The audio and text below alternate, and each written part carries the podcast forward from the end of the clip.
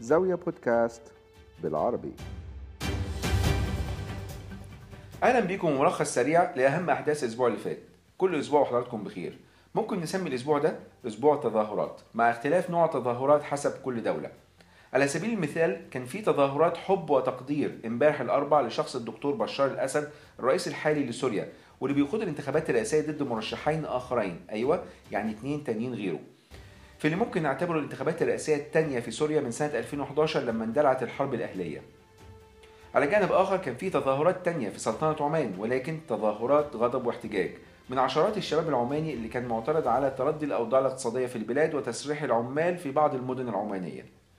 تظاهرات عمان اندلعت في مدينة صحار اللي بتقع حوالي 200 كيلومتر شمال غرب العاصمة مسقط وكمان في مدينة صلالة اللي بتقع حوالي 850 كيلومتر جنوب غرب مسقط.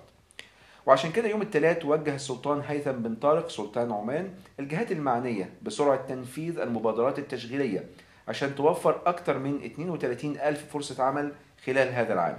منها 12 ألف فرصة عمل في القطاع الحكومي المدني والعسكري حسب الاحتياجات الفعلية لكل جهة يعني بمعدل طرح ألف وظيفة شهريا حتى نهاية العام.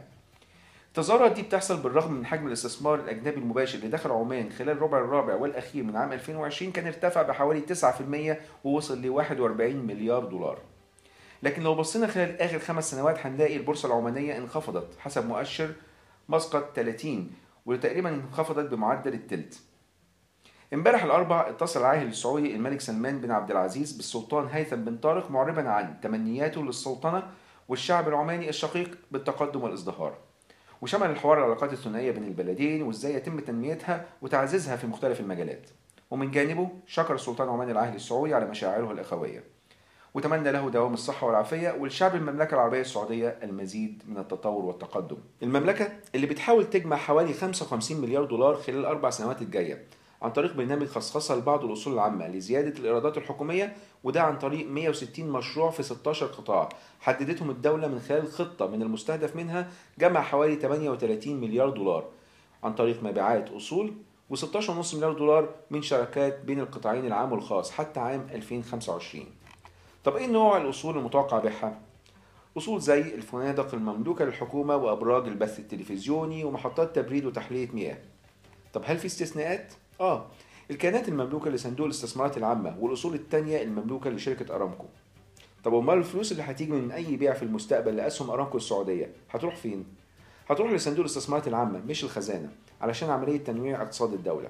وكل ده متوقف على سن قانون لتنظيم عمليات البيع في شهر يوليو الجاي إن شاء الله.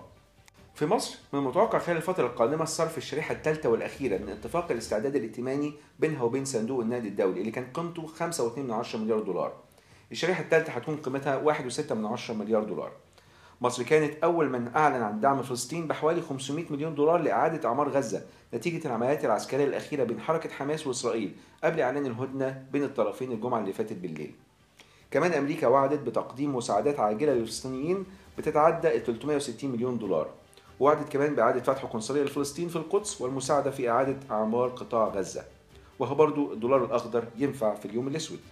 كان معاكم عمرو حسين الألفي من زاوية تحياتي لكم والسلام عليكم ورحمة الله وبركاته.